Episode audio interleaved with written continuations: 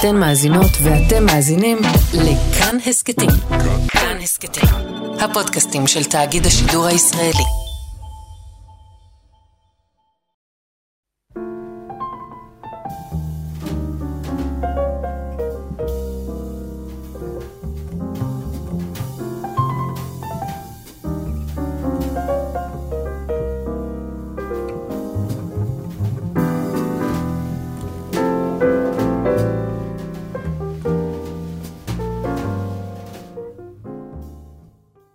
שבת שלום, צהריים טובים, ברוכים הבאים להתבודדות ברדיו כאן תרבות. אני יאיר אסולין, ואיתי השבוע בהתבודדות השבועית שלנו, שהיא התבודדות קצת יוצאת דופן, אה, הרבה והאינטלקטואלית הצרפתית החשובה אה, דלפין הובילר. אה, כשביחד ננסה לשקוע אל עומק, אה, גם אל עומק המציאות הישראלית והאקטואליה וכל מה שקורה כרגע כאן ובעולם, אבל גם יש לנו הזדמנות בעיניי לשקוע גם אל עומק שיחה על, היהדות, גם מנקודת המבט הישראלית וגם מנקודת מבט אה, לא ישראלית. אה, אז שלום דלפין. שלום, טוב להיות פה.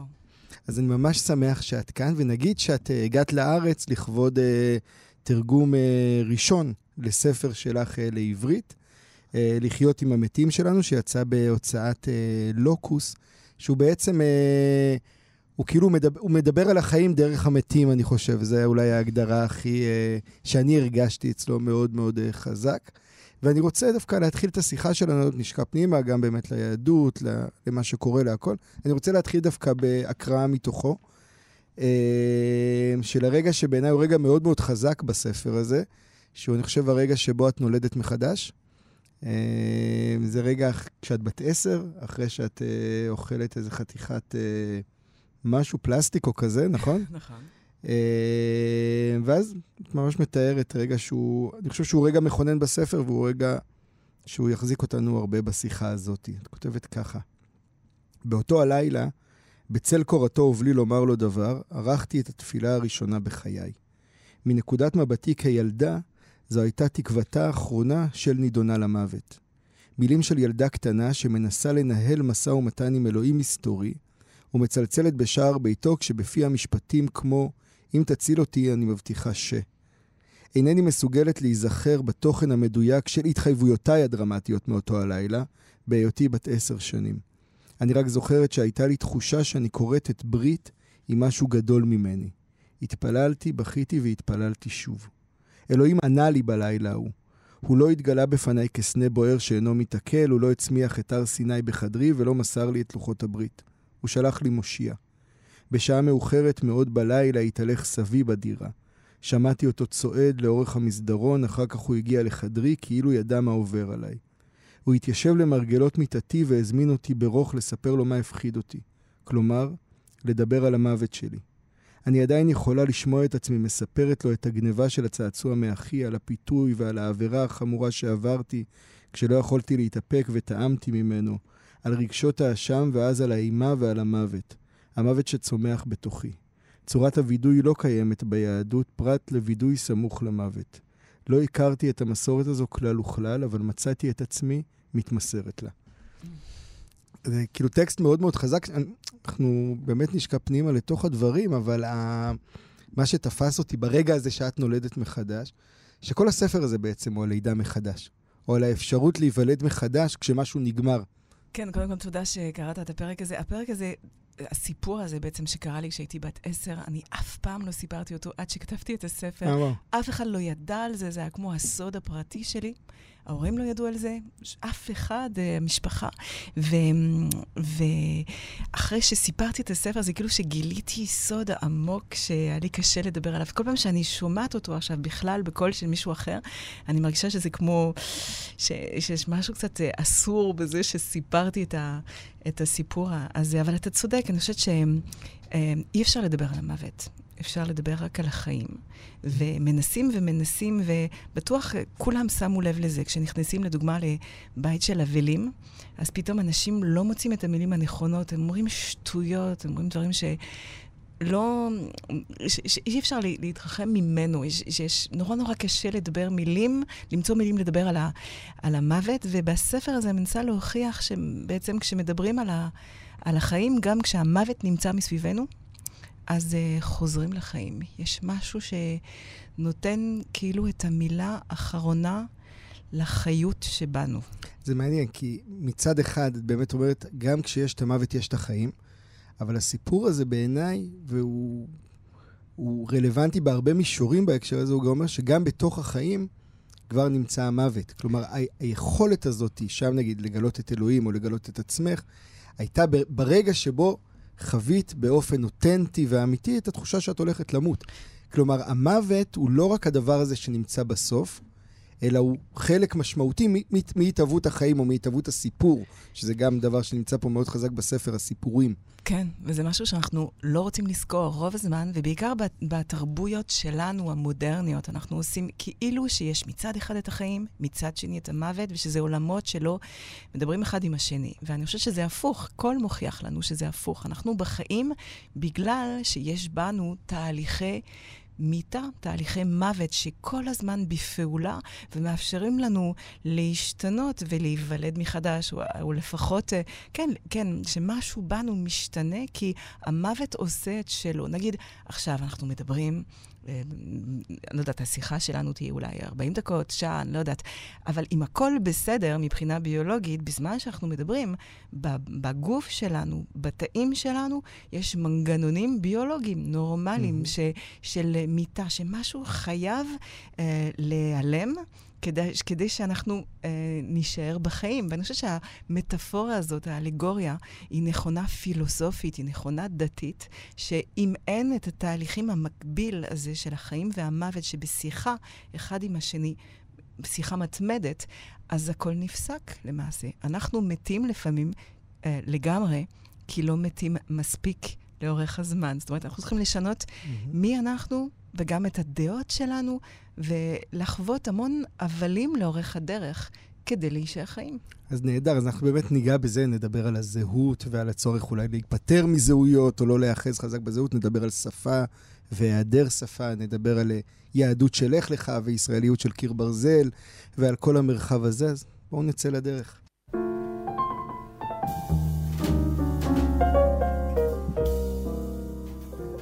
באמת לקראת השיחה הזאת, כשככה התכוננו ודיברנו, אז היו כמה מילים ששמת אותם כאיזה כותרות כאלה שאת רוצה לגעת בהן, ואני חושב שהמילה הראשונה שהעלית הייתה זהות. Mm-hmm. ואמרת לי, אני רוצה לדבר על זהות במובן של הצורך לשבור את הזהות, או על ההאחזות הזאת של אנשים בזהות, אולי זה מילים שלי, אבל למשהו בחוויה שלך. ואני חושב שזה מאוד מתחבר למה שדיברת לפני רגע על ה... על המוות ועל הצורך למות כל הזמן, ולא רק זה עלה, יש את השאלה הזאת של דיוויד יום, הפילוסוף הסקוטי, שהוא מדבר על זה, של מי אמר. הרי ביולוגית, אני של עכשיו ואני של עוד כמה דקות, זה לא אותו אדם בכלל, כי אנחנו משתנים כל הזמן. אז מה מאחד אותנו? מה זה האחדותי הזה, mm, הזהות הזאת כן. שאנחנו נאחזים בה, ואיפה אולי אנחנו נאחזים בה לפעמים יותר mm, מדי? כן, ללא ספק יותר מדי. זה, um, אני שמה לב שלמעשה כל מה שאני כותבת ומלמדת בשנים האחרונות קשור לזה איכשהו, לזה שמבחינה פוליטית מסביבנו, זה נכון בכל העולם, זה בוודאי נכון בארץ, אבל זה נכון ב- באירופה ובצרפת, אנשים באובססיה. על להגדיר את זהותם, הזהות הנציונלית, הלאומית, הזהות האתנית. אה, אנשים יותר ויותר מדברים ומתחילים משפט ב... בתור יהודי, אני חושב שבתור, לא יודעת מה... ככרטיס אה, ביקור כזה, כן, כאילו. כאילו שמשהו מגדיר אותך, והמילה עצמה היא בעייתית בכל השפות, כי זהות, כמו אידנטיטה, בצרפתית אידנטיטי באנגלית, רומז שאתה מי שאתה כי אתה זהה למה שהיית, או זהה למה שתהיה. שיש כאילו מצב של שוויון, של המשכיות בלתי משתנית, אומרים כזה דבר. Mm-hmm. ואני חושבת שהזהות בעצם, זה בדיוק הפוך. אתה מי שאתה, כי אתה לוקח יתרה משהו ממה שהיית, ומביא אותו למקום אחר, מצופה או בלתי מצופה, שלמשהו יש כל, למעשה יש כל הזמן אה, אה, בדרך תאונות זהות שמאפשרות, לא יודעת אם זו מילה שקיימת, כן. תאונת זהות, אה, שמאפשרת לך להגיע למקום אחר. אתה אף פעם לא רק ההיסטוריה שלך, רק הלידה, אה, רק הקבוצה שלך. אתה, מה שאתה עושה, ממה שנתנו לך. ואת מרגישה שהיום יש משהו בהאחזות הזאת בזהות, ככמעט אה, תגובת נגד ל... לכל מה שמתפורר מסביב? כן. לחוסר ביטחון, לחרדה, לחיים שמשתנים. כן, נראה לי שזה נובע הרבה מ... מפחד, אבל לפעמים זה הולך לכיוונים אה, הפוכים. יש אנשים שמשוכנעים שהזהות זה היסטוריית הסבא והסבתא, זאת אומרת, אה, זה המקום של העבר שצריך לשמר בכל מחיר, ויש אנשים בצד השני שאומרים, הזהות שלי זה רק מה שאני חש. או רק מה שאני מרגיש או מרגישה. ושתי האופציות האלה, לדעתי, הקיצוני, הקיצוניות כביכול, הם שקר. למעשה, אנחנו לא רק ההמצאה שלנו, התחושה שלנו, אבל אנחנו בהחלט גם לא אה, ההיסטוריה או הלידה. ויש את ה... את ה-in-between הזה שממש מעניין, שזה למעשה מסלול. נדבר בטוח הרבה על זה, עוד קשור לזהות היהודית. הזהות mm-hmm. היהודית היא, היא, היא איזון מאוד עדין בין מה שנשמר למה שנשתנה, השתנה. כן, אומרת... לא, זה היה, אני חושב שזה קצת, זה היה בכל דור ודור חייב אדם לראות עצמו כאילו הוא יצא ממצרים. מצד אחד אתה זוכר את הסיפור ההוא, מצד שני אתה צריך להיות פעיל בתוך הסיפור, זה אתה עם העצמי שלך. בתוך איזשהו context הרבה יותר, זה כאילו את מקודם אמרת, עשית, עשית שוויון בין continuity, בין המשכיות לבין, לבין זהות, אבל אני חושב שיש פה הבדל משמעותי, זה כאילו באמת, או שאתה זהה, ואז אתה כל הזמן משכפל את עצמך, ובעצם, אני חוזר גם לספר שלך, אתה במובן מסוים מת, כי אתה mm. כל הזמן משכפל את הדבר הזה שכבר היה, או שאתה באמת מייצר המשכיות, ואז אתה צומח. הולך ומתפתח ומוסיף עוד שכבה ועוד שכבה, במונחים האלה של באמת של פילוסופיה, נגיד, של הגל, אז זה הסימה, האופגבונג הזה, אתה כל הזמן מוסיף עוד שכבה ועוד שכבה ועוד שכבה, שבסוף זה אתה. אתה כאילו סך כל השכבות האלה. כן, ובמידה רבה, אני חושבת שהטקסטים המסורתיים שלנו, הם עוזרים לנו בכיוון הזה. אתה יכול לקרוא את הטקסטים האלה כסיפור של העבר. אבותינו יצאו ממצרים, אבותינו היו ב... בשושן הבירה, אבל בעצם הרבה יותר מעניין ומשמעותי לקרוא אותם לא כסיפורי סתם של אבותינו ושל העבר, אלא תמיד בכל דור ודור לשאול את עצמנו באיזו מידה אנחנו כן תקועים במצרים. מי הוא הפרעה שלנו, מה הם עשר המכות של דורותינו, וזה זה פתאום תופס אה, אפשרות, אה, ל, כן, ל, להימצא מחדש, לחשוב מחדש באיזו מידה זה, זה רלוונטי. וגם באיזה מידה זה חי. אני חושב שזה כאילו, זה בסוף נותן את החיות לדברים האלה. יש בה, באחד הקטעים, אה, באחד הפרקים של הספר, אז יש ספר, פרק שאת מקדישה למרסלין וסימון וייל, mm-hmm. בעצם, ואז יש שם את הקטע הזה ש... עמנואל מקרון נותן נואם, והוא מצהיר שסימון וייל תהיה חלק מהפנתיאון. ויש התלהבות מאוד גדולה, ואז מרסלן הזו אומרת לך, אני לא רוצה להיות בפנתיאון. כי זה משעמם. כאילו, כי זה משעמם. שזה קצת כאילו המחשה הזאת של הפנתיאון זה המקום הזה שבו אתה, את, המקום המשעמם כי אתה בעצם תקוע בו. אין לך כבר את החופש הזה של, ה... של נכון. הפריצה החוצה. לדעתי, מה שמבטא את זה הכי טוב בביטויים העבריים, זה חי וקיים. זאת אומרת, יש משהו שהקיים הוא מה שנשמר, מה שיהיה תמיד, קיום כזה, כמו בניין בנוי כזה. אבל השאלה בחיים זה איך לא להיות רק קיים, אלא להיות גם חי, זאת אומרת, משהו בתזוזה, בהשתנות מתמדת. ומשהו אצלך, אני חושב... פעם קודמת שהיית בארץ, או אחת הפעמים שעלית ככה לכותרות, זה היה מפגישה שלך באמת עם הרב מלמד, שהיה איזה ניסיון לייצר סוג של גשר בין זהויות, או קשר בין זהויות בתוך השיחה הישראלית, שהיא באמת, אה, עוד רגע נדבר על זה יותר בהרחבה, היא באמת נאחזת בזהות יהודית מאוד מסוימת, באיזה קונספט של מהי יהדות, וסתם מעניין לשמוע כאילו מה הייתה החוויה שלך בגשר הזה, האם הגשר הזה... באמת הצליח כן. לעמוד מעל המים הסוערים, או שהוא שקע פנימה? טוב, כנראה שזה היה קשר, גשר מאוד קשה לבנות. לא, לא מבחינתי, אני יכולה להגיד ש... אני כל הזמן רומזת ומנסה לקיים את השיח הזה עם זרמים אחרים של היהדות. אני חושבת שכמובן, וזה לא סקופ, הרבה יותר קל ליהודי לא אורתודוקסי לקיים שיחה עם כל העולם היהודי, מאשר למי שמגדיר את עצמו כבתוך האורתודוקסיה. כי יש נטייה באמת אה, בעולם האורתודוקסי לחשוב שיש סכנה נוראית בשיחות האלה עם מי שלא אורתודוקסי. אז אני לא יכולה לדבר במקומם, אבל תמיד אני שמה לב שכשאני מקיימת את השיחות האלה, ההבדל האמיתי בין הזרמים ביהדות, או בוא נגיד ההבדל האמיתי בין ביני לבין מי שמשוחח איתי בצד האורתודוקסי, זה שלא יש נטייה לחשוב בעולם שלו שהוא היהדות האמיתית, האותנטית. וההבדל בינינו זה שאני משוכנעת שהוא לא יותר אותנטי ממני, ואני לא יותר אותנטית ממנו. אתה מבין את ההבדל? אני, אני מרגיש שאת אומרת משהו יותר עמוק. אני מרגיש שאת אומרת, אין דבר כזה יהדות אותנטית. אין כזה דבר. היהדות האותנטית היא מה שקורה כרגע. היא החוויה הזאת, כמו שאמרנו, ביחס לכל מה שהיה, אבל אין איזו החזקה של יהדות אותנטית מובהקת. כי מעבר לזה אין יהדות, יש אולי יהדויות, זאת אומרת, יש כל כך הרבה דרכים, ותמיד היו כל כך הרבה דרכים להיות יהודים. היה לי את המזל, ואני חושבת שזה מאוד קשור לרבה שנהייתי, היה לי את המזל לחיות בהמון מקומות אחרים. נולדתי בצרפת, חייתי בארץ כמה שנים, ובארץ, בארצות הברית כמה שנים, וזה נתן לי אפשרות לבדות עד כמה היהדויות האלה, הפלורליזם הזה, זה לא סתם מילה מודרנית נחמדה, פלורליזם. אני חושבת שתמיד היהדות והזהות היהודית נבנתה משיח פנימי. לפעמים פנימי בתוך עצמנו, של כמה קולות שמדברים בתוכנו, של ההיסטוריות שלנו, של הגיאוגרפיות שלנו, שתורמות לבנות יהדות, אה, כן, מרובת פנים.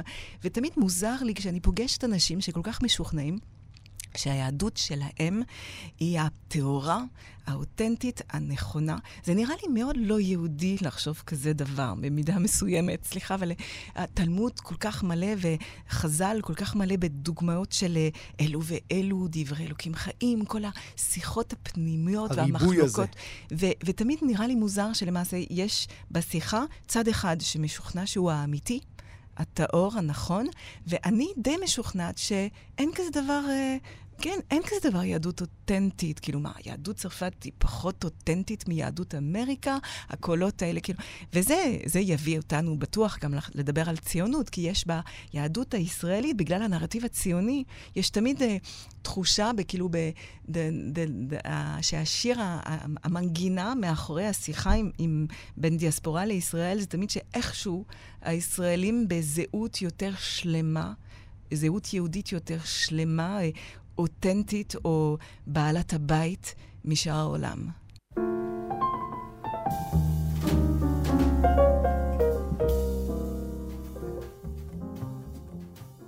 אז באמת אה, הכנסת את הציונות כבר ואת ה, את התפיסה הזאת הישראלית, ישראליות אל מול יהדות בעצם. ששנינו היינו השבוע בכנס באוניברסיטת תל אביב, שהתעסק במלחמות היהודים, ו... אה, אני שמעתי את הדברים שלך, את לא שמעת את הדברים שלי, אבל אני חושב שדיברנו על, על אותו דבר בעצם.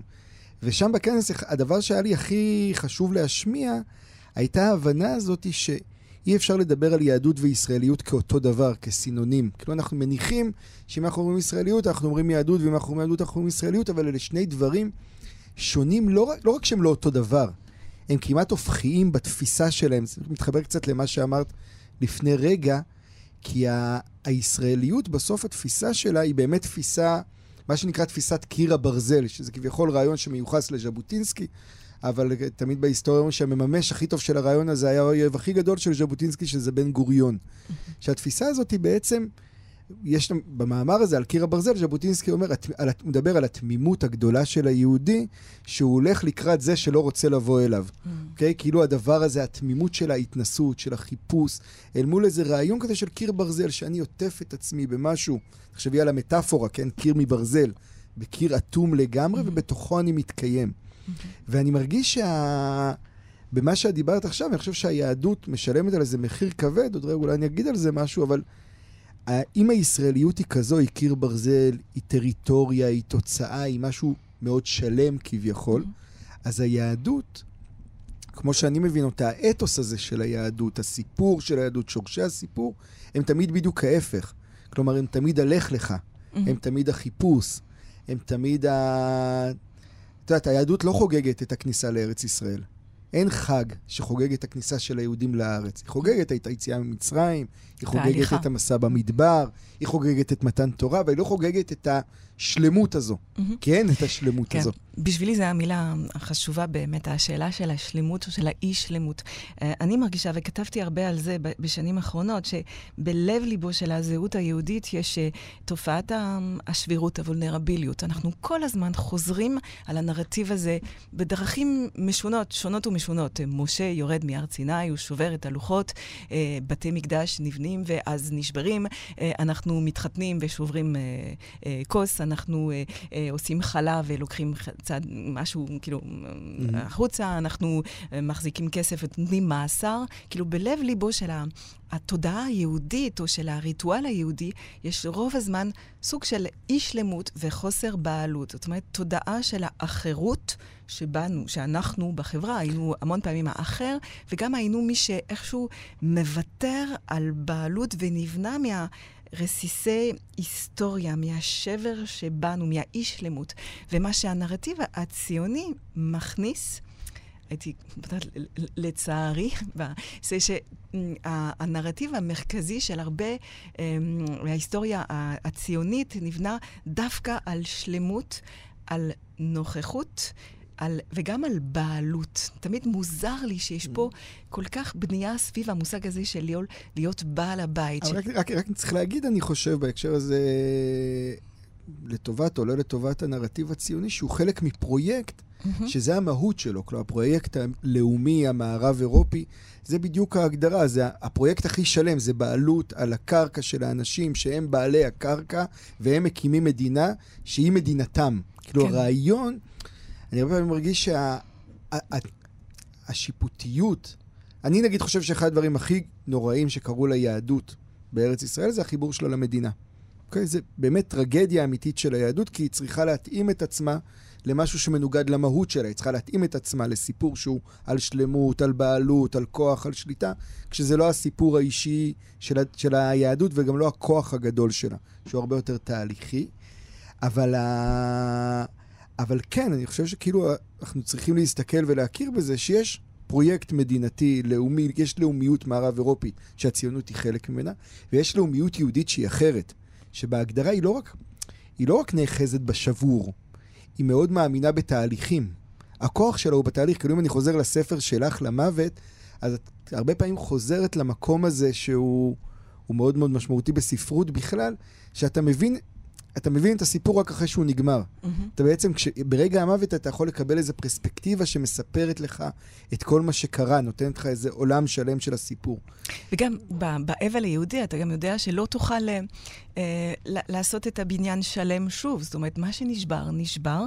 מה שקורה בבית קברות זה שעושים את הקריאה הזאת בבגדים. Mm-hmm. מה זה הקריאה? הרי זה אומר שלא משנה כמה אתה תופר יפה, תמיד יישאר אה, אה, את הסממן, את, הס, את הסימן של מה שנקרא, אתה לא תוכל לקבל את הבגד שלם מחדש, או את הסיפור השלם. ואני חושבת שיש נטייה, וזה הכוח של היהדות לאורך היסטוריה, לבנות עם... מה ששבור, זאת אומרת, יש לנו ניסיון מאוד מיוחד באבלות. זה מעניין, יש אה, הרמח"ל, ב...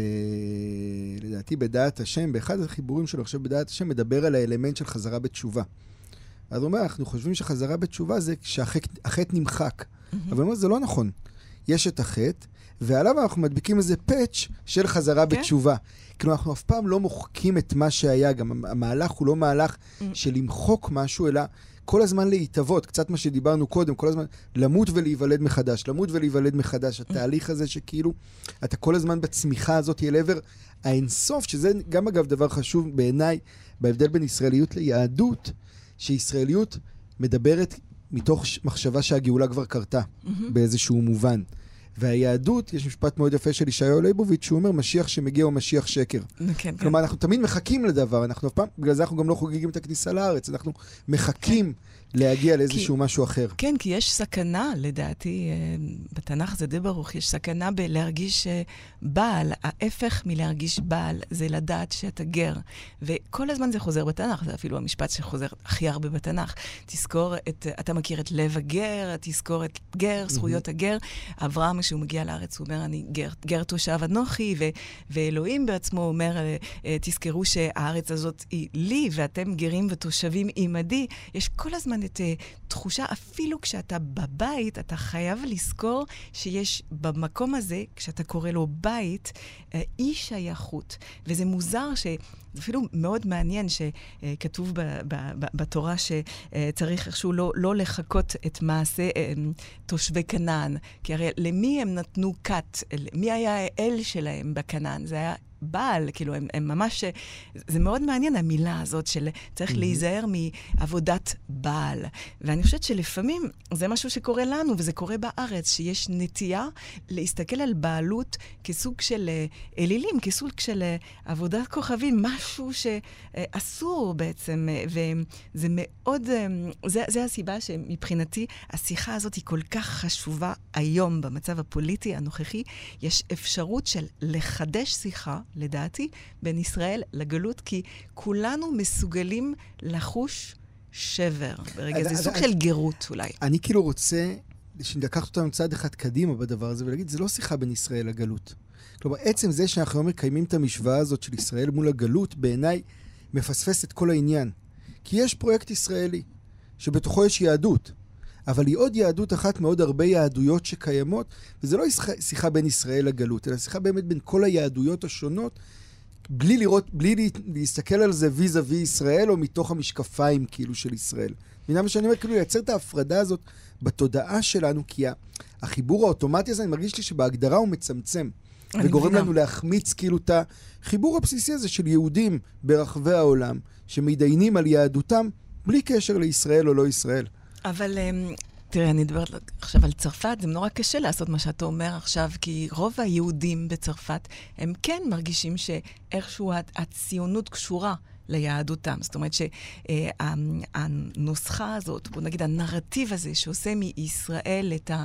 את ה הטבור, את הלב של הגוף ה- היהודי, כן בנה את הזהות שלנו במשך הרבה שנים. השאלה היא עכשיו, איך מחברים את כל החלקים של הגוף היהודי אה, אה, בעולם. בכנס שהשתתפנו בו היה מעניין, באיזשהו שלב מישהו דיבר על, אה, השתמש ב- באלגוריה הזאת, שלא מדברת אליי, אבל היא, היא מאוד אה, נפוצה, אני חושבת, ב- ב- בארץ, הרעיון שישראל איכשהו בשולחן היהודי הוא כמו האח הגדול, או ראש המשפחה, mm-hmm. ושכאילו יהודי התפוצות הם האחים הקטנים. או, אה, ואני חושבת שהפרדיגמה הזה הוא, הוא בעייתי מאוד. אבל, אבל כשאת אומרת שהיהדות היא לב, את בעצם אומרת את אותה פרדיגמה. אני, אני, אני אישית, אני, אני חושב שהיא מאוד בעייתית, אבל אני חושב שכאילו יש רגע, ואולי זה גם מתחבר אגב לספר שלך באיזשהו מובן, שצריך לתת למשהו למות כדי, לדבר, כדי שדבר חדש יוכל להיוולד. יש משהו, הייתה איזו פנטזיה כזו, שהיא פנטזיה מאוד של המאה ה-20, שישראל היא תהיה הלב של היהדות והכל okay. כן. יתנהל מסביבה, וזה גם החיבור אולי בין דת למדינה בכל מיני צורות, אוקיי? אל מול איזו הבנה היום, שאגב, הטכנולוגיה גם ממחישה לנו אותה בכל מיני צורות של, של ביזור ושל היברידיות וזה, שלא צריך לב אחד.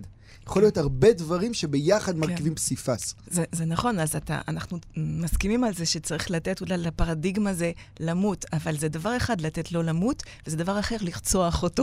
זאת אומרת, אולי יש אה, אפשרות אה, לקדם... אה, את, פרד... לא מרגישה, את לא מרגישה שהפרדיגמה הזאת היא נחלשת? היא נחלשת והיא גם, גם בעייתית, כי היא יוצרת סוג של patronizing, אני לא יודעת יש מילה. בעברית כזה, שכאילו מסתכלים על האחרים, כאילו שהם הם, הם, הם קצת כמו ילדים או כמו נכים, או שהם צריכים עזרה. אני חושבת שהיום אה, השיחה הרבה יותר מעניינת, כשכל אחד מביא לשולחן, אה, אה, כן, את הוולנרביליות שלו. סיפרתי בכנס, לא אתה זוכר, משהו שמאוד היה לי ממש מעניין. לפני כמה שבועות הקשבתי לדיון של דוד גרוסמן, שדיבר בתל אביב באחת ההפגנות, והוא אמר שזו פעם ראשונה בחיים שלו שהוא מרגיש זר או גר במדינה, עם כל מה שקורה. קורה. כן. ואני חושבת שבאוזניים ישראליות זה נשמע, זה היה נשמע רע או טרגדיה, אבל עבורי, עבור יהודייה אירופאית, זה היה נשמע מצוין. חשבתי, וואלה, הגיע הזמן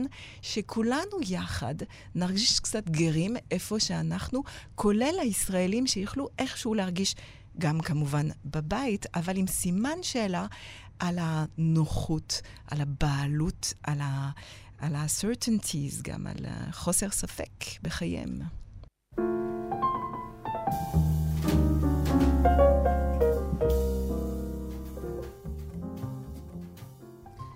אז אני באמת רוצה להמשיך את, ה, את הקו הזה של הספק, כי גם בספר וגם אה, בהרבה מקומות אחרים, אה, הרבה פעמים כשאנחנו מדברים על גרים, וגרים, זכור שגרים הייתם בארץ מצרים, ולהרגיש אה, קצת זר בארצך וכו', אנחנו מדברים על זה מאיזשהו ממד של חסד או מוסריות.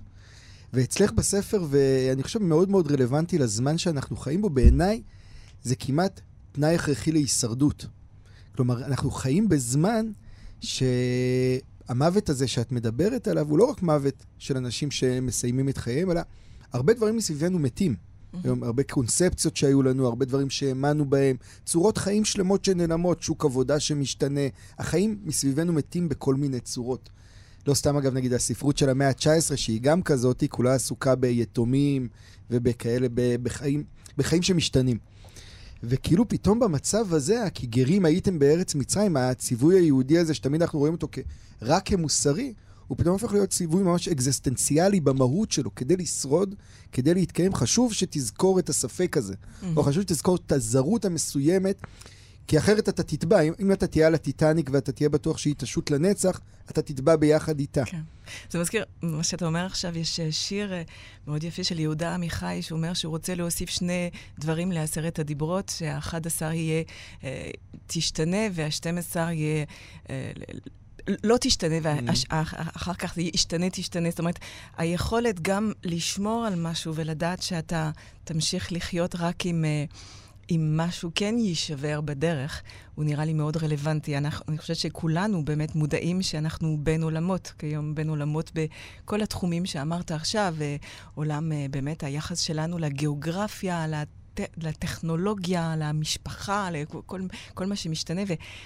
ודווקא יפה שבעברית המילה בינה באה מהבין לבין. זאת אומרת, יש סוג של בינה ברגעים... בחייך, שאתה יודע שאתה בין לבין, שאתה בין עולמות, אה, שאתה כבר לא מה שהיית, ועוד אין לך שם למה שאתה תהיה מחר. אז אני חושבת שהרגע בינה הזה הוא הכי משמעותי ב, בחיינו. בגלל זה אני, אני די מודאגת מכל uh, נרטיב או נאום של uh, שמירה, של קונסרבטיזם. כי mm-hmm. יש בזה... Um, באמת, אני חושבת שיש התבטאות של, של פחד ומשהו קצת חולני בפחד הזה של, של לעשות קונסרבציה בכל מחיר של העולם כפי, ש, כפי שהיה. היה. אני אומר, מצד שני, אפרופו שוב המוות והחיים בספר שלך, זה גם טרגדיה מאוד מאוד גדולה. זה טרגד, להיות בין לבין, זה זמן שהוא מאוד מאוד מרגש, ואני כותב על זה המון. והוא עמוס בהזדמנויות, אבל הוא גם טרגדיה מאוד מאוד גדולה, כי צריך להיפטר או להכיר בזה. שהרבה דברים כבר כן. מתים. כן, ושוב פעם, אני חושבת שליהודים של יש שפה מיוחדת אה, לעבור את הטרגדיה הזאת. תראה, תסתכל לדוגמה על הומור יהודי. הומור יהודי הוא ממש תמיד בנוי על זה, על זה שיש טרגדיה, אבל יש, אבל יש דרך גם לספר על הטרגדיה בצורה שאנחנו נקום מחדש. יש שום אפשרות לקום מחדש ולהגיד שמה שפגע בך לא יגדיר אותך. אני חושבת שיש משהו מאוד יהודי בזה, ולהגיד שאוקיי, זה קרה לנו, אבל הדרך שבו אנחנו נספר את זה, יאפשר לנו להיות עדיין אה, שחקנים ולא רק ויקטימס. Uh, mm-hmm. לספר מה שקרה לנו לא כמי שנפגע, אלא שמי שפתאום עם לא, השפה כמי ש, תופס... כמי, ש, כמי שגם נפגע, אבל לא נמחק מהפגיעה, אלא הוא יודע לקבל את הפגיעה, להסתכל עליה. כי אני מרגיש שהיום השיח מתחלק, שוב, אפרופו טכנולוגיה והשינויים, לכאלה שרואים רק את ההזדמנות ורק את מה שגדול, וכאלה שרואים רק את הטרגדיה ואת מה שנורא ומה יהיה איתנו. ואני חושב שהאתגר, היהודות, היהדות באמת עושה את זה מאוד מאוד חזק, זה לחבר בדיוק את שני הדברים. יש טרגדיה, יש פגיעה, יש קרה. כאב, יש חורבן, אנחנו יודעים לצום ולהתאבל. ברוך השם, אנחנו יודעים גם טובים בזה. Mm-hmm. מצד שני, אנחנו יודעים להגיד שהמשיח ייוולד בתשעה באב. Mm-hmm. אנחנו יודעים לחבר את שני הדברים ולראות אותם כל הזמן ביחד בתוך הדבר הזה. זה באמת האלגוריה הכי נכונה, המשיח שנולד בתשעה באב. זה באמת אומר שבלי השבר הזה, אין הזדמנות uh, באמת לחשוב uh, ולדמיין על, mm-hmm. על עתיד. אני חושבת שזה, כן, משהו שהציל אותנו לאורך הדרך. ואם אני חוזר כאילו לדיבור שלנו על ספק וזהות וההמשכיות או התהליכיות, זה בדיוק זה. זה כאילו כשאתה חי בתהליך, אז אתה לא מוגבל לפגיעה המסוימת הזו, כי יש לך המשך, אתה בתהליך, אתה מתהווה. אם אתה מחזיק את הספק, אז ממילא יש פה רגע מאוד יפה בספר, שעם ילד שאח שלו נפטר, והוא שואל אותך שאלות, ואת אומרת, הדבר שהכי רציתי להגיד לו, שאין לי תשובות. מהמם. אני, אני מחזיק, לפרק קוראים ליפול אל השאלה, שזה בכלל כותרת נהדרת. Mm, כן, כי אני חושבת ששוכחים, לדוגמה, בתנ"ך, כששואלים לאן הולכים המתים, אז כתוב שהם יורדים שאולה. לראות, ש... Mhm. אבל ש- שוכחים לשמוע מה משמעות המילה הבסיסית. המקום הזה שהמתים הולכים אליו, זה המקום של השאלה. זאת אומרת, אין, אין תשובה, וזה זה מאוד חזק, אני חושבת, במחשבה היהודית, לעומת, נגיד, בנוצרות, יש דיון על אחר המוות שהוא מאוד בנוי וסולידי, דוגמטי. וכשאתה שואל יהודים מה קורה אחרי המוות, רוב הזמן אתה מקבל המון המון תשובות, וגם לפעמים בו זמנית, אותו בן אדם יכול להגיד לך שהוא מאמין בתחיית המתים ובגלגול נשמות, ושלא קורה שום דבר, ושנהיה בגן עדן. כאילו, יש אפשרות לשמוע כמה קולות במקביל, סוג של פלורליזם תיאולוגי, בוא נגיד, שמונע ממך למצוא תשובה. השאלה היא תמיד הרבה יותר אה, בונעת, אה, אה, יוצר פרטיליזציה של לא, המחשבה. היא- אני, אני גם חושב שהיא המהות של האנושי, יש עכשיו הרבה, אנחנו מדברים פה בתוכנית גם לא מעט, על יש כל הדיון סביב ה-AI, אוקיי? וה-Chat GPT. קראת את ה-Chat GPT? כן, כן? בטח. אוקיי. הבן שלי עושה את כל אוקיי, השיעורי בית שלו ככה. אוקיי, בדיוק. אז ה-Chat GPT, יש, נגיד במרחבים שלי, של ספרות, אז יש דיון כזה של האם הספרות תיעלם כשה-Chat GPT יכתוב לה את הרומנים, אוקיי? Mhm. הוא יכול לכתוב לך טולסטוי מחר בבוקר, ואין, כביכול. ואני טוען שזה בדיוק הפוך. שעצם הפלט, או התשובה, או מה שה-Chat GPT יכתוב, זה הדבר הפחות חשוב. הדבר החשוב באמת הוא השאלה שאתה תשאל אותו כדי שהוא יכתוב את מה שאתה רוצה שהוא יכתוב. כלומר, האנושי הוא הרבה יותר בשאלה מאשר בתשובה. התרגלנו לחיות באיזו תפיסה כזאת, זו תפיסה מאוד של המאה ה-20, של תשובות ופתרונות וחידושים, אבל האנושי הוא ברגע הזה שהרי אנוש, אז אוכל לקרוא בשם השם, אוקיי? שאנוש, אנשים מתחילים לצעוק לאלוהים, מתחילים לצעוק שאלות, מהמם. בקשות, קצת כמו הסיפור שלך אה, בגיל עשר. וברגע הזה כאילו האנושי נולד. מהמם. אז אני מרגיש שכאילו ה- היהדות תפסה את המהות הזו, שבה האנושי הוא בעשיית השאלות, לא בתשובות. כן. שזה, אם מישהו אחר ייתן לנו את התשובות, זה מעולה.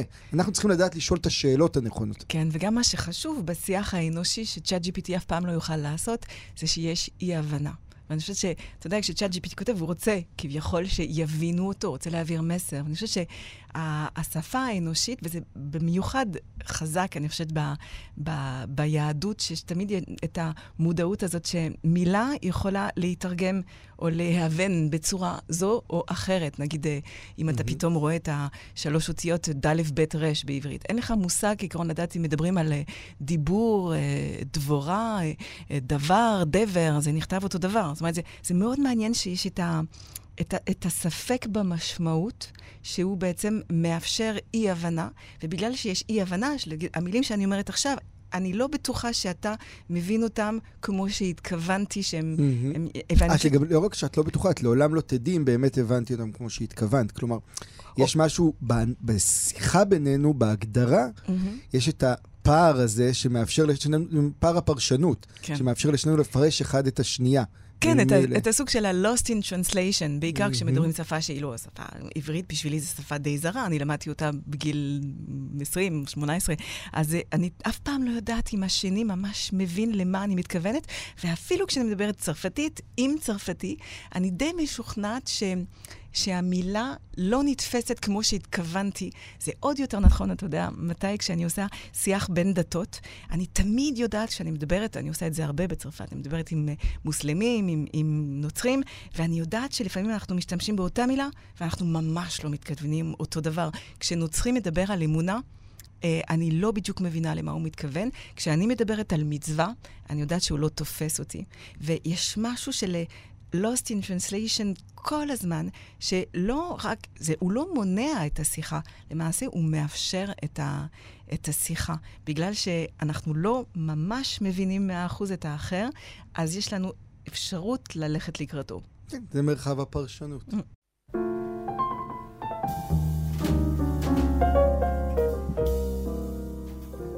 אני חושב שכאילו כל השיחה שלנו מובילה לאיזה מקום אחד שהוא... שהוא הוא, הוא, הוא נכון לזמן הזה שאנחנו חיים בו מבחינת ההתפוררות וכל מה שקורה, או התובנות שמתחדדות לנו במובן הזה, שכאילו את מגיעה מצרפת, שבסוף הפרויקט הצרפתי הגדול, בטח של הרפובליקה השלישית, היה להוציא את אלוהים מהמשוואה. נכון? לייצר חברה אנושית בלי, בלי האלמנט הזה, שמרגיש לי שהכל אגב קשור אליו. כלומר, אלוהים זה ספק, אלוהים זה תהליך, אלוהים זה היעדר זהות ודווקא המשכיות, אלוהים זה אופק, אלוהים זה lost in translation. כל הדברים האלה בעיניי הם ערכים שנגזרים מהקונספט הזה, שהיה קיים בעולם וכאילו סידר המון דברים סביבו. ואני ממש מרגיש, כתבתי על זה כמה פעמים, שיש איזה פרו, הפרויקט הדתי הרלוונטי ביותר היום, הוא לנסות ולהוליד את הקונספט הזה מחדש, את, את הרעיון הזה של אלוהים כגורם מסדר בעולם. אז אני יודע שאת לא אוהבת לדבר על אלוהים mm-hmm. אה, בתוך הדבר הזה, אבל אני ממש, נגיד, אני מסתכל על זה סביב משבר האקלים. Mm-hmm. Okay? אוקיי? משבר האקלים, ברגע ששמנו את, ה, את המדינה במרכז הקיום, אז משבר האקלים נוצר כי צריך לטייל את כל הקוסמוס בשביל המדינה, mm-hmm. או בשביל החברה האנושית, האדם במרכז. אבל כשאתה שם את אלוהים במרכז, אז יש איזו מהפכה קופרניקאית כזו, שאומרת, אתה חלק מהקוסמוס. Mm-hmm. אתה חלק משהו הרבה יותר uh, רחב. כן, אז דרך כזו אני כן מוכנה לדבר על אלוהים, עם, עם ההגדרה שאתה נותן עכשיו, זה כביכול אה, גדול מאיתנו, זאת אומרת, משהו שטרנסנדנטי, בוא נגיד. אז כן, אה, אנחנו כל הזמן צריכים משהו טרנסנדנטי, אבל זה מעניין ש... במידה מסוימת, הייתי אומרת שהחילוניות הצרפתית, שמגדירים אותה המון פעמים כאתאיסטית או אנטי-דתות, אה, מבחינתה היא מנסה לעשות בדיוק אותו דבר, מה שאתה מגדיר עכשיו. זאת אומרת, היא מנסה ליצור חלל חברתי, ציבורי, שאף דעת או אף אמונה לא ממלא אותו. שכאילו, הוא תמיד טרנסנדנטי, הוא גדול יותר מכל אמונה של כל אחד. הוא משאיר חלל ריק מכל אה, ריטואל, מכל שזה, שייכות. זה, זו השאיפה שלו, ואני חושב שהיום דווקא אנחנו כאילו חוזים קצת בכישלון של השאיפה הזו. כמו כאילו, כל פרויקט, הוא, הוא כן, הוא... לא, כאילו יש משהו ב... הרי הניסיון לייצר את החלל הזה, בלי לדבר, על, בלי לדבר עליו, כאילו, אלוהים בלי לדבר באיזשהו mm-hmm. מובן. אה, ואני מרגיש שכן צריך לדבר עליו, בלי מיד לגייס אותו לפוליטיקה או למדינה זה, אלא לייצר את ה... להגיד, זה אלוהים. זה בדיוק החלל הזה כן. שמכיל המון תפיסות ודתות ורעיונות, כן. שכולם חלק מההבנה הזאת שאתה חלק מקוסמוס הרבה יותר אה, כן. גדול. אבל כאילו בשם הרצון לייצר את החלל, איבדנו את היכולת לדבר את הדיבור הזה, שהוא יותר רגשי וקיומי ועמוק, ועדיין יש לו משקל ומשמעות. כן, אבל כשאתה חושב על זה, גם ביהדות איבדנו אה, אה, בכלל את היכולת לדבר עליו. אני חושבת שזה כל כך נהדר uh, לחשוב שאנחנו לא יודעים לבטא את השם uh, uh, של הארבע אותיות, השם הזה mm-hmm. של אלוהים, שלמעשה יש בזה uh, בינה יהודית, חוכמה יהודית מדהימה, שאומרת כביכול, מאז שאין לנו uh, בית מקדש, משהו נשבר בעולמנו, וכביכול שכחנו איך לבטא את השם הזה. אבל המצאנו ש... המצאנו דרכים חלופיות לסמן אותו. אבל אנחנו... יש, כאילו, אני כן. מרגיש שהצורך לסמן... הוא מאוד מאוד חשוב, כאילו, בתוך הדבר, כי ניסינו, ניסינו לייצר מרחב שבו אנחנו לא נסמן אותו, והוא כאילו יהיה קיים בלי שנדבר עליו. ואני מרגיש שהצורך עכשיו לבוא ולהגיד, אפשר לסמן כן. מחדש. הוא צורך גם קיומי, אבל הוא גם רגשי מאוד מאוד חזק. נכון, אבל בתנאי שתדע שהשם שאתה נותן במקום השם, השם שאתה לא יודע לבטא, הוא לא מסגיר אותו ברור. בתור משהו שניתן ממש ל, להחזיק אותו, שפתאום יש בעלות ברג, על השמות ש, של אלוהים. ברגע שהחזקת אותו זה עגל זהב. בדיוק, זה, זה, זה אבל... זה בדיוק, זה בדיוק אבל... הרגע הזה שהפסדת גם מהצד השני. בדיוק, אבל עכשיו אתה נוגע בדיוק בסיבה של למה אני לא רוצה רוב הזמן לדבר על אלוהים, כי אני חושבת שכשמדברים על אלוהים ברוב השיחות, באיזשהו שלב זה הופך להיות עגל זהב, כי השמות שנותנים לו, הם פתאום מגדירים uh, אג'נדה פוליטית, הם פתאום uh, מגדירים אותו, וזה הופך אותו לטור שאנחנו משתמשים זה, בו. זה קצת מה שדיברנו על ההבדל באמת בין ה- על הישראליות מול היהדות, זה הקיר הברזל. פתאום נוצר איזה קיר ברזל סביבו ואי אפשר לזוז והכל מאוד מאוד ברור. Mm-hmm. אז לא, לא שם. בדיוק המהלך הזה של התהליך, של ההליכה במדבר, של המשה הזה שלא יודעים איפה הוא קבור, בדיוק. של העם הזה שמתהווה ומחפש את עצמו כל הזמן, של יבנה וחכמיה, של היכולת להיוולד מחדש. גם הרעיון של הרמב"ם, שאפשר לדבר רק בצורה שלילית. זאת אומרת, אתה יכול להגיד מה שאלוהים לא. Mm-hmm. אתה אף פעם לא יכול להגיד מה שהוא כן. ואני חושבת שזה, כן, תמיד מדאיג שאנשים אה, מדברים עליו כאילו שהוא חבר טוב, סליחה, שאלוהים הוא, הוא חברנו הטוב, שידאג כן. לצרכים שלנו אם נתנהג יפה והתפילות שלנו יהיו, יהיו תקינות. אני חושבת שיש בזה באמת עבודת אה, אלילים, עבודה זרה, אה, ומשהו שגורם לאורך ההיסטוריה היהודית לקטסטרופה.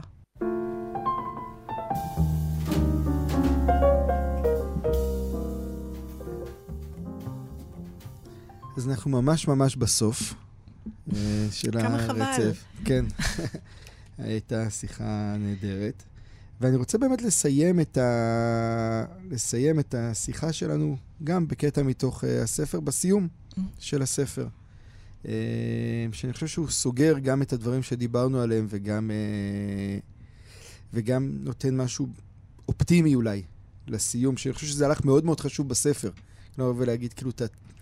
כן, שוב, אני אגיד את זה ככה. בעיניי המאבק על האופטימיות הוא מלחמה מאוד מאוד גדולה שקורית היום. Mm-hmm. כי אפשר בקלות ליפול לפסימיות של רק. כל הדבר הזה, וכאילו, להילחם על האופטימיות, יש את הביטוי היפה הזה של אנשים שמסתכלים, אנשים שמסתכלים על הסיכויים ואנשים שמסתכלים על הפוטנציאל. אז מי שמסתכל על הסיכוי שדברים גדולים יקרו, הוא בדרך כלל פסימי, כי רוב הסיכויים שלא יקרה ומה שהיה הוא שיהיה. ומי שתסתכל על הפוטנציאל של מה יקרה אם דברים גדולים יקרו, זה כאילו השאיפה האופטימית הזאת שממש צריך להחזיק אותה, ואני מרגיש שכאילו בליווי שאת עושה לאנשים בתוך האבל כרבה, את ממש נאבקת על הדבר הזה איתם. על האופטימיות, כאילו על היכולת לראות את המעבר mm-hmm. לשחור הזה שאין לו מילים ואין לו צורה ואין לו כלום, איך ממשיכים הלאה. אז ככה את, אה, ככה את מסיימת את הספר. היה מי שניסח זאת טוב יותר מכל אדם אחר, שלמה מלך ירושלים. בתנ"ך הוא מייצג יותר מכולם אדם בעל רכוש. במשך שנות קיומו צבר המלך שלמה סחורות, עושר, זהב ונשים, הוא בנה ארמונות, נטע עצים, קצר פירות ואגר אוצרות. היה לו כוח רב ורכוש ניכר כמו לבניו של קין. בסוף חייו כתב שלמה בספר בשם קהלת, מגילה שבה חזר על המשפט המוכר לכולנו, הבל הבלים הכל הבל. זהו אחד מהפסוקים הידועים במקרא. כך אומר החכם בעל הרכוש היושב באדמתו, האדם שצבר רכוש ניכר והאמין ביציבותו של העולם. הוא מכיר בכך שהכל הבל. כל מה שבנינו ונתנו עתיד להישחק או להיעלם בשעה שהשברירי, החולף או המועד, או המועד לטעויות משאיר בעולם עקבות בלתי נמחות. ההבל, עד ישויות העבר, אינו מתנדף. הוא נושב בחיינו ומנתב אותנו למקומות שמעולם לא חשבנו שנגיע אליהם.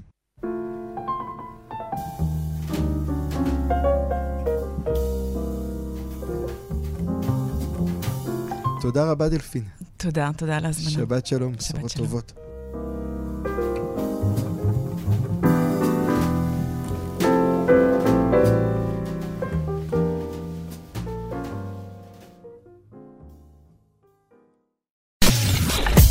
אתן מאזינות ואתם מאזינים לכאן הסכתים. כאן הסכתים, הפודקאסטים של תאגיד השידור הישראלי.